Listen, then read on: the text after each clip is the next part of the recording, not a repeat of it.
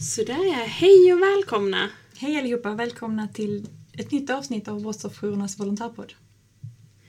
Idag ska vi prata om stödet till barn och unga. Mm, det ska vi göra och gå in lite på vad är det för, för konsekvenser av, av brott som man ser hos unga? Eh, och vad kan man bara tänka på i kontakten med, med unga? Precis. Vi ska prata lite grann om vilka risker det finns om barn och unga inte får det stödet som de behöver efter att de har varit brottsutsatta. Mm. Så vi gräver lite mer i stödet för unga brottsutsatta med Sandra som jobbar med att ge stöd eh, för barn och unga på Stödcentrum i Lund. Precis. Så vi drar igång här direkt.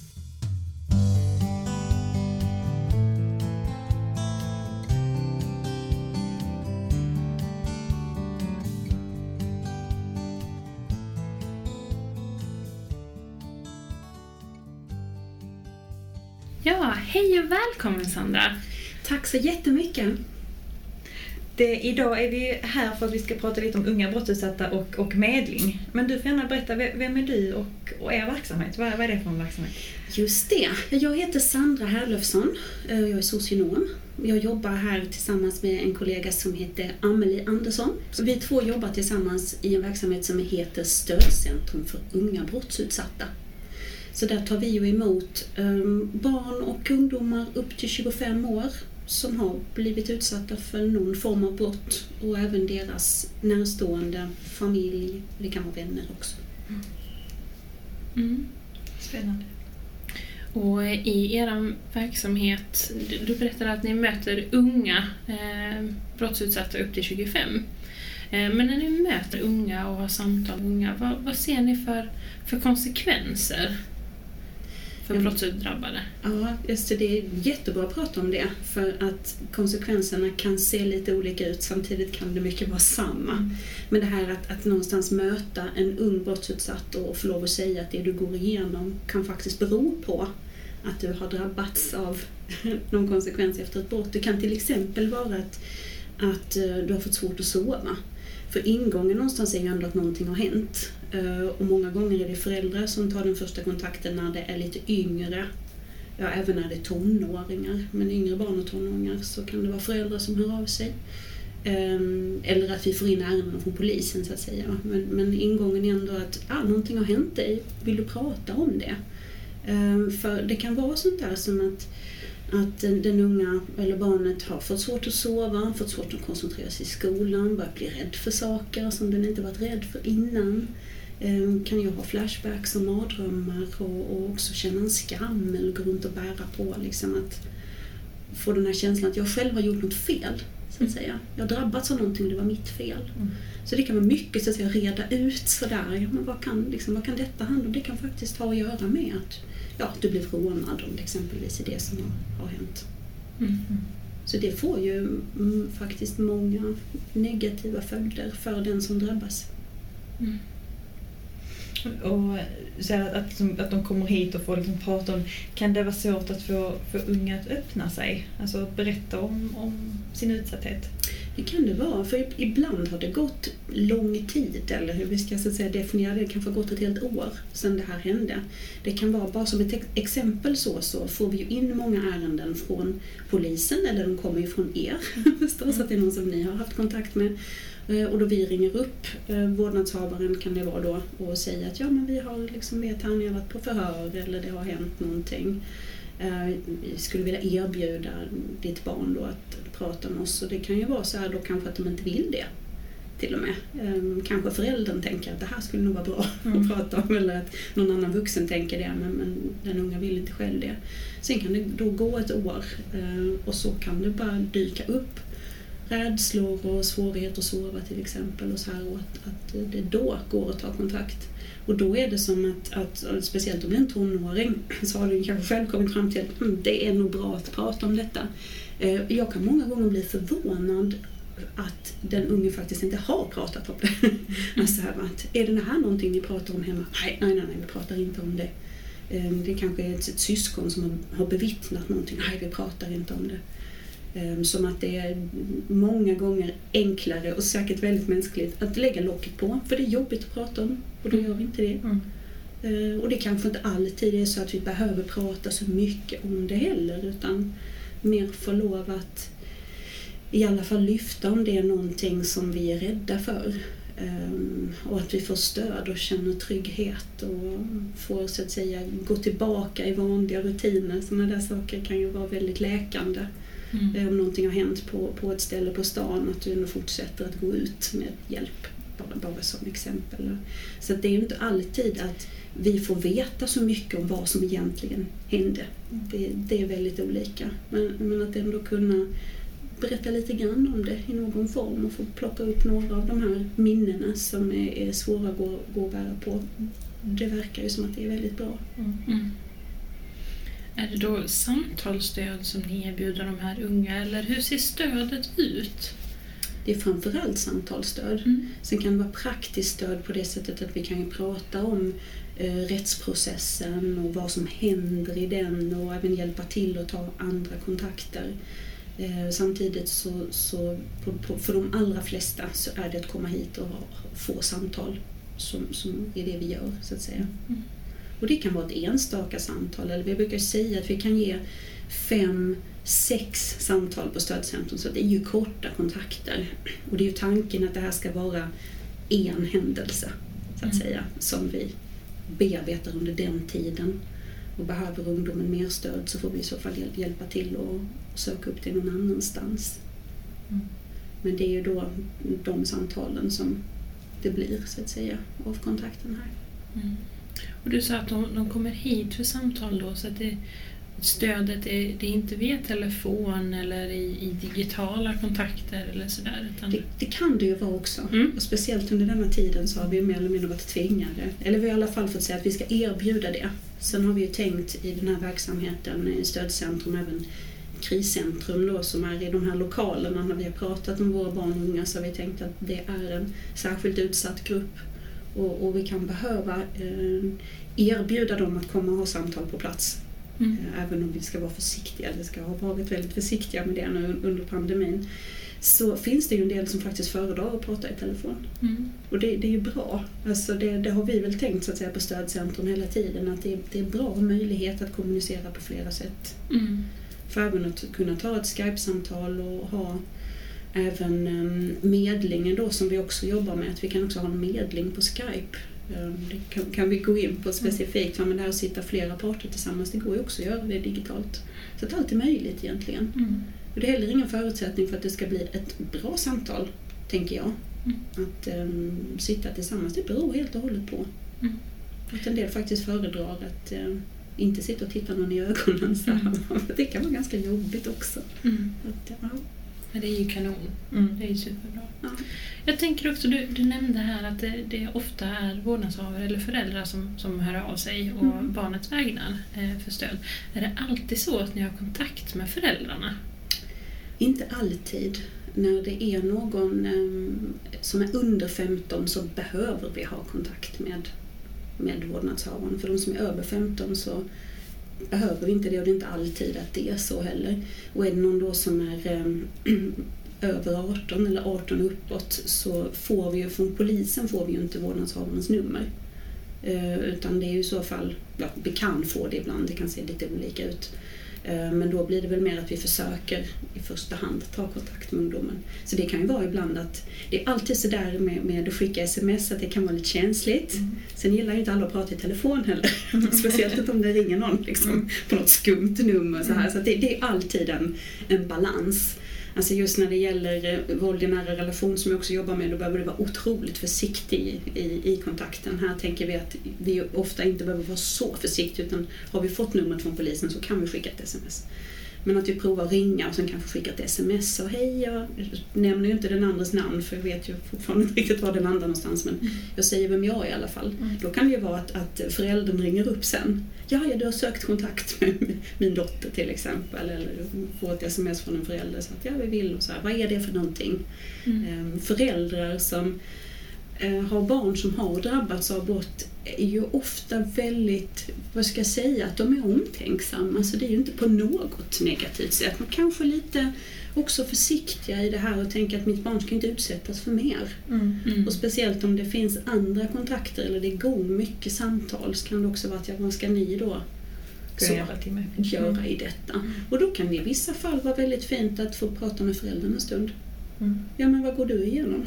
Mm. Hur är detta för dig? Och, ja, hur funkar det med skolan till exempel? Och det är ju också, ligger ju också inom så att säga, ramen för vad vi ska göra på Mm. stödcentrum så det kan också bli väldigt fina samtal. Hur ligger, alltså jag tänker, ni riktar ju till både, till både barn och unga och deras anhöriga, alltså precis som vi, för att anhöriga har ju en tendens att glömmas bort även om de, de har ju också blivit brottsdrabbade på ett sätt. Mm. Hur, hur ser det ut i er verksamhet? Alltså, är, det, är det flest barn och unga ni kommer i kontakt med eller är det lite mer föräldrar eller hur, liksom, hur ser det ut? Det är mest barn och unga. Mm. Eh, Det är till, den, till den större delen så är det ju ungdomar. Eller tonåringar ska Mm. säga. Ton, tonåringar, unga vuxna. Mm.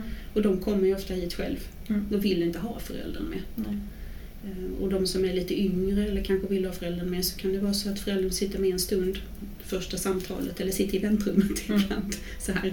Eh, Och sen, sen inte mer. Och det är väl i de allra flesta fall så eh, önskar föräldern inget stöd Nej. heller. Men det är väl precis som du säger, det är väldigt fint att säga att jag har inte glömt er och vet att ni kan också behöva Mm. Mm. prata med någon om det som har hänt. Jag vill bara ställa den här frågan, men hur, hur mår du? Ja, Mm. precis. Ja, men det är så fint Mm. faktiskt att tänka på det. Absolut. Eh, Men du, du kommer ju i kontakt med, med barn och unga där. Och vad, vad, vad tycker du är, är bra att tänka på? Viktigt att tänka på när man pratar med just barn och unga och viktigt i den kontakten. Precis, jag har, har sån, fått en sån fin formulering från min egen tonåring hemma. Att, eh, att ungdomar gillar inte stela vuxna. det tycker jag är ganska bra faktiskt. Det blir stelt eller för, för formellt på något sätt. Men, men det här också, ehm, lite som vi pratade om innan, här hur mycket, mycket barn öppnar upp sig. Mm. Så här, att att ehm, vi får låta det ta deras egen takt. Att säga. Många vuxna är kanske bättre på att sätta ord på precis vad som hänt och hur det känns. Sen är inte alla vuxna bra på det heller. Men det är att det får, får ta sin tid. Så där, där tänker jag att det är bra för vuxna samtidigt att ha med sig att vi måste visa att vi kan bära det som är svårt. Och ställa rätt så raka frågor ibland. Har någon gjort dig illa? Eller bara, bara så här att sådana här luddiga öppna frågor som vad som har, vad har hänt? Så här, att det kanske inte leder någon, någon vart. Mm. Det kan vara väldigt svårt att greppa det. Mm. Så att det kan vara konkret och ibland hjälper det att till exempel rita eller skriva saker eller använda andra former av så. När, när jag jobbar med barn på kriscentrumdelen så att säga så är det mycket använt sådana små dock att det är lättare att visa vad som hände än att bara prata om det. Så att, kanske då att, att inte vara stel, Mm. att inte pressa fram detaljer, att våga ta emot det svåra och sen att vara kreativ Mm. skulle jag, skulle jag säga det allra viktigaste när vi Mm. möter um, unga Mm. och barn. Och jag tänker just alltså, som, du säger att, att visa att jag, jag, jag kan bära det här. Precis. Ehm, Precis.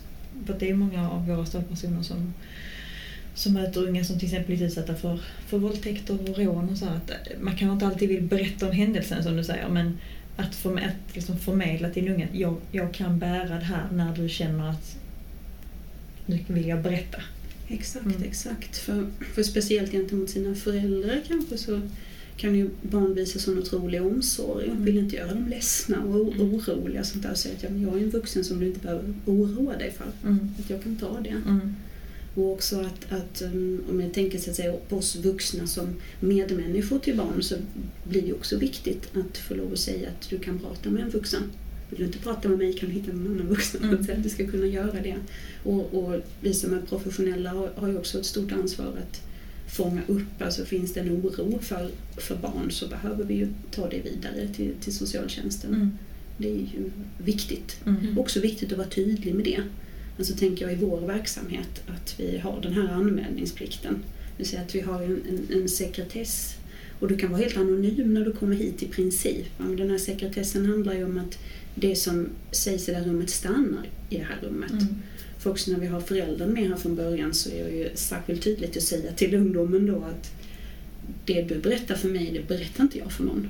Så skulle mamma ringa och fråga vad vi har pratat om så kommer inte jag säga det. Mm. Vi kan komma överens om att, att om jag inte får tag på dig och du inte kommer hit mer så kan vi komma överens om att jag säger till din förälder då att nej, nu har vi ingen kontakt längre. Men, men, men in- inget annat. Och sen finns det ju den där gränsen liksom. Mm. Skulle jag få reda på att du blir slagen hemma eller att det har hänt något annat så som inte, om det har varit en polisanmälan, att det inte handlar om det. För det kan vi så att säga inte göra något åt. Mm. Um, Men om det är något annat sånt som är okänt så, så behöver jag i så fall ta, ta det vidare till någon annan vuxen. Mm. Så att det inte blir ett, att um, förtroendet bryts på något sätt. För Mm. det där är ju också super, super viktigt på tal om att ta emot svåra saker. Att i, I vissa fall så kan vi ju inte bara ta emot det, vi behöver göra någonting med det också. Mm. Och det kan ju vara vara en, en svår, svår avvägning känslomässigt för oss. Samtidigt så är ju för, för oss som arbetar i, i, inom socialförvaltningen så är det ju inget att fundera på. Utan det måste ju, skulle ett barn berätta att den blir slagen hemma så måste vi ju anmäla det. Mm. Så det är på ett sätt enkelt. Mm. Ja men precis. Mm. Det är ju precis som du säger där att det viktigaste det är ju att man spelar med öppna kort. Att man talar om att ja, men det är under de här, de här förutsättningarna. precis. Mm. Mm. Och jag tänker, alltså nu, nu berättar du också att du har ju viss, jobbar också på, på kriscentrum alltså med våld i nära relationer. Jag vet också att du ger stöd till vuxna och Mm. då anhöriga alltså i, i stöd, eh, stödcentrum. Eh, vad, upplever du att det finns några skillnader mellan vuxna brottsutsatta och barn som är utsatta för brott? Det är en jättebra fråga. För, för på något sätt så tänker jag att, att barn är sårbara. Ehm, Att barn så att säga generellt är sårbara för att drabbas av svårigheter. För, för också att, att vi som vuxna, att det händer saker i våra liv på något vis. Väl kanske mer inom ramen för vad vi kan hantera i våra nätverk och att vi har kanaler till kanske vårdcentralen eller vad det är. Ehm, Ett barn ska på något sätt bara vara så här lyckligt omedvetande om alla faror som finns i världen. Eh, På ett väldigt enkelt uttryckt så. Eh, så. Så att där finns verksamheter som är särskilt riktade mot, mot barn, tänker både på stödcentrum och nu på, på barnahus som finns exempelvis, är ju för att, att någonstans eh, lätta upp eh, svårigheterna som det här barnet drabbas av i situationen. Så, så att på det sättet så, så tänker jag att det, det behövs mer stöd kring barn och samtidigt de jag möter i samtal, de har ju någonstans samma reaktioner av brottshändelser oavsett ålder. Mm. Så det är någonstans också ganska så att säga, intressant att lägga märke till det som samtalsledare så att säga. Att samtidigt så är det ganska lika, det är bara att det kan vara mer utvecklat i tanken då hos en vuxen än vad det är som ett barn. För att en vuxen kan också kanske sätta ihop um, orsakssamband på något vis. Va? Samtidigt som en, en, har en ung person blivit rånad så kan ju det också skapa en rädsla för att den förstår på något plan att det finns ju ingen garanti för att detta inte händer igen. Och det är ju svårt så att säga att hantera det Mm. um, på något vis. Det är ju någonting som är jätteviktigt att prata om Mm. i samtalet utan att lägga någon skuld på personen själv. Mm. För det är klart att du kan skydda dig på vissa sätt i din eh, om, omgivning, eller hur jag ska uttrycka det. Varför är du en, en ung man exempelvis så, så är du ju det är hög risk att Mm. utsättas för våld. Alltså det är ju så. Mm. Och det innebär ju inte att du ska stanna hemma och aldrig gå ut eller aldrig dricka alkohol eller någonting sånt. Och samtidigt är det klart att du får ta hand om dig själv. Kanske inte gå ensam mitt i natten. Ja, typ Mm. sådana här Mm. saker. Va? Men det, det går ju inte att lägga något som helst sånt krav på ett barn och säga att här skulle du gjort någonting annorlunda. Alltså det, är ju, det är ju känsligt att prata med vuxna också om det. Att någonstans i processen blir det kanske viktigt att fundera på så vad är min egen del eh, i detta? Inte, inte att du blivit rånad, så jag vill verkligen liksom understryka att jag menar inte att, att det ligger någon skuld i den som blir utsatt för det. Utan du kan behöva fundera eh, på hur denna situationen drabbade mig och, och, och om det var någonting jag skulle kunna göra annorlunda så att säga. Mm. Och eh, i, i de här verksamheterna, vad, vad, vad tror du behöver förbättras i, i stödet för unga? För du nämnde det att du, du, du upplever att, att vi behöver utöka det.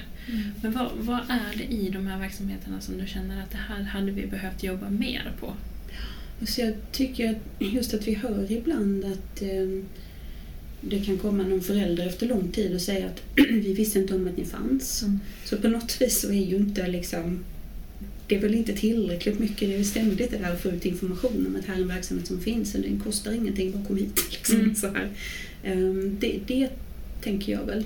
Sen om det finns andra hinder, det, det, det vet jag inte riktigt. Mm. Just för att tänka att det här ska vara tillgängligt för, för alla. Mm. Det är väl en ständig fråga sådär. Ehm, behöver vi utöka öppettiderna? Eller, ja, det kan vara sådana saker vi kan fundera på. Liksom. Om vi skulle behöva finnas på kvällstid eller vad, behö, vad behövs liksom, Mm. för att kunna vara tillgängligt för alla.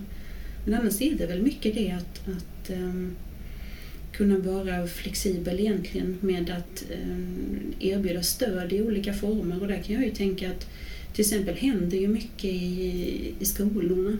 kan hända på raster och vi får ju de berättelserna också där det är väldigt tydligt att det saknas vuxenstöd. Mm. Så det ligger ju på någon nivå i samhället Mm. så att säga där att, att det hade nog varit jättebra, tänker på barn och unga i det stora hela, att det hade funnits fler vuxna närvarande på våra skolor, att det hade funnits mer personal inom barn och ungdomspsykiatrin så att det inte hade varit lång kö för att komma till där. Alltså sådana sådana saker tänker jag. För att det, det verkar ju vara också svårt för om jag säger så här, oss professionella i, i människovårdande yrken att jobba tillräckligt förebyggande. Det blir mycket så att vi ska rycka in när någonting väl har hänt. Och, och i de här fallen så är det ju ibland tydligt att hade det funnits mer vuxna ute och rört sig så hade det inte varit lika farligt att vara ute på stan till exempel. Eller det hade kanske inte blivit lika svåra konflikter på skolor om vuxna hade varit mer närvarande i, i leken så att säga, Mm. i kontakterna. Så det är väl en stor fråga på det sättet. Men, men där tänker jag att, att barn och unga behöver mer, mer stöd generellt. Mm. Eller mer uppmärksamhet kanske. Eller så. Mm. Mm. Att vi är en liten, liten del i det liksom. Men uh, försöker göra vår, Mm. vad vi kan i alla fall. Vår bit så att säga. Ja, precis. Och vad tänker du om, om man då tittar på, på oss som, som stödjare eller som liksom samtalsterapeuter, alltså vi som faktiskt erbjuder stödet. Är det, är det någonting som du, du tänker att, att vi bör tänka på och liksom förbättra kanske? Alltså jag tänker på er, era kanaler och vad ni gör och hur ni når ut. Det är fantastiskt, fantastiskt jobb ni gör. Så där kan jag bara tänka på, fortsätt och gör mer. Liksom. Det är väl mer kanske vi och andra som liksom behöver hitta bättre till de ungas arenor. Mm. Det, det tror jag. Och det här med att inte vara en stel vuxen. Alltså det, Nej. men det, jag Det är en bra summering. Jättebra. Det säger väldigt mycket. Mm. Mm. Verkligen. Men du var, du var ju inne på här att, att eh, ja, men det är viktigt att, att synas och, och att du ofta kommer i kontakt med vuxna som, som efter månader eller år kommer i kontakt med er och nej men vi visste inte att det här fanns. Mm. Att den här möjligheten fanns för samtalsstöd.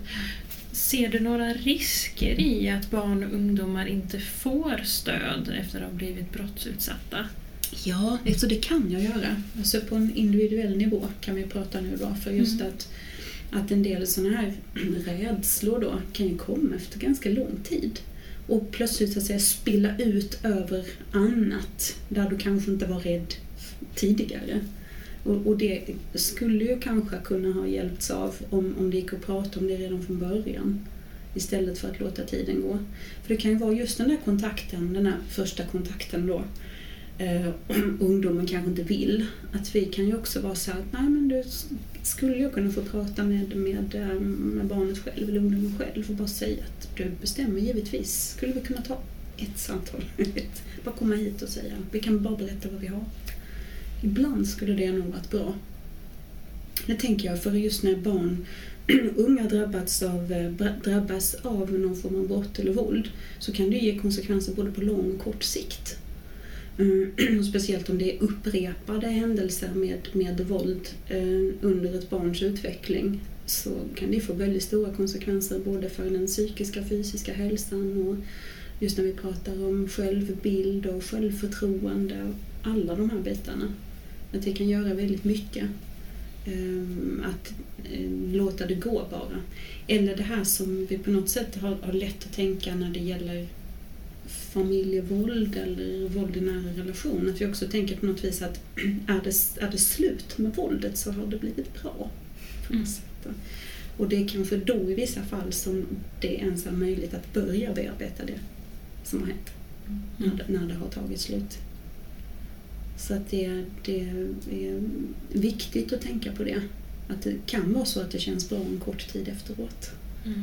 Uh, och ibland är det så paradoxalt också som jag brukar prata med, med framförallt kvinnor som jag möter som är våldsutsatta. Att de kan ju många gånger vara i en, en eller flera processer i samband med en separation. Så det kan ju både vara en, en, en polisutredning om det är ett våld som har blivit polisanmält och det är kanske en vårdnadsutredning för barnen och det är annat som är igång, en bodelning, mycket.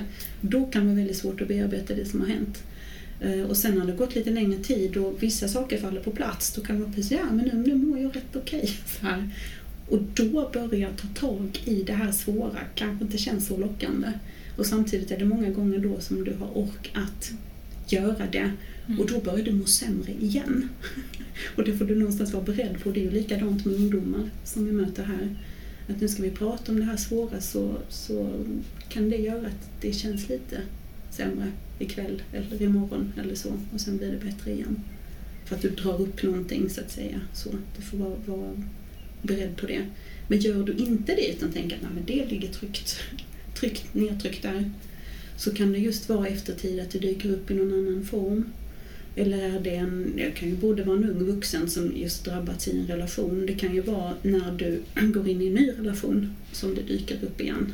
Och det blir en annan rädsla av det som du kanske inte alls är beredd på.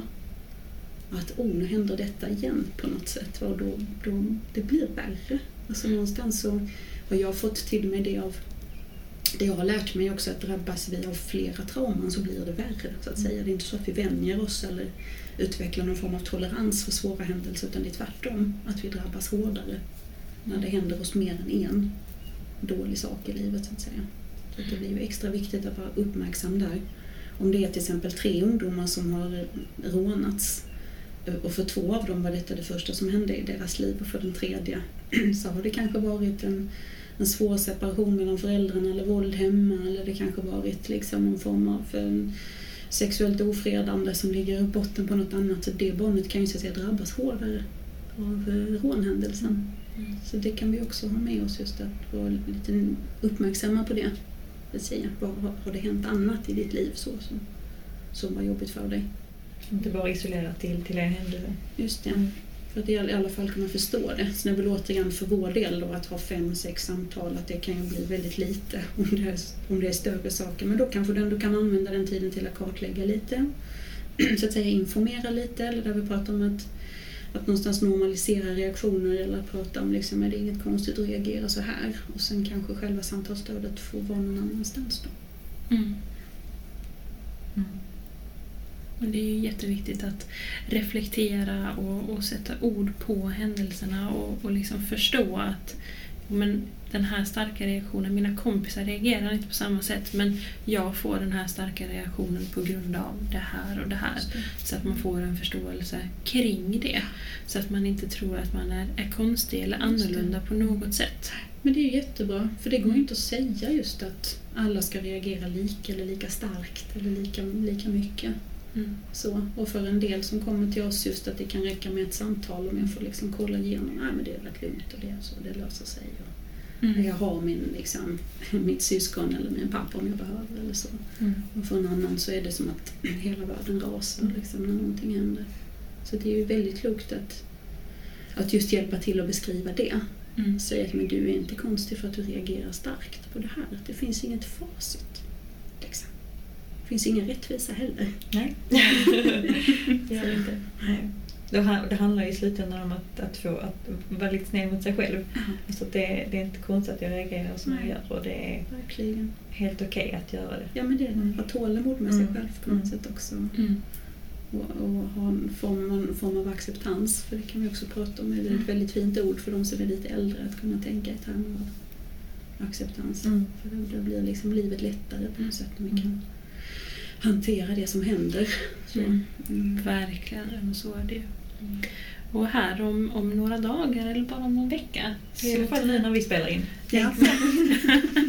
så kommer det ju en helt ny lag Mm, om eh, barnfridsbrott som träder i kraft. det. Och det, det innebär ju i korta drag att det blir straffbart att låta barn bli vittne till, till brott i nära relationer. Mm. Tror du att, att den här nya lagen kommer påverka er verksamhet på något sätt som jobbar med barn och unga? funderat på det, så det är en väldigt bra fråga. Och det är väl, väl kanske egentligen mest om det kommer komma fler ärenden för att uppmärksammas bättre på andra håll. Kan jag tänka. För utifrån kriscentrums perspektiv så får jag väl säga att vi på något sätt redan jobbar så medvetet med eh, barn och unga i familjer där det finns våld. Och de allra flesta som kommer hit som är vuxna har ju barn och vi vet det, så att säga. Så att det är väl eh, kanske mer, mer i så fall om det blir, blir tydligare för, ja, kanske för, för socialtjänsten i övrigt eller på skolan eller så. Mm. Om det skulle uppmärksammas mer. Mm. Det är väldigt... Mm. Men det är intressant, det är det verkligen. Och att, att, att barn får tillräckligt med skydd.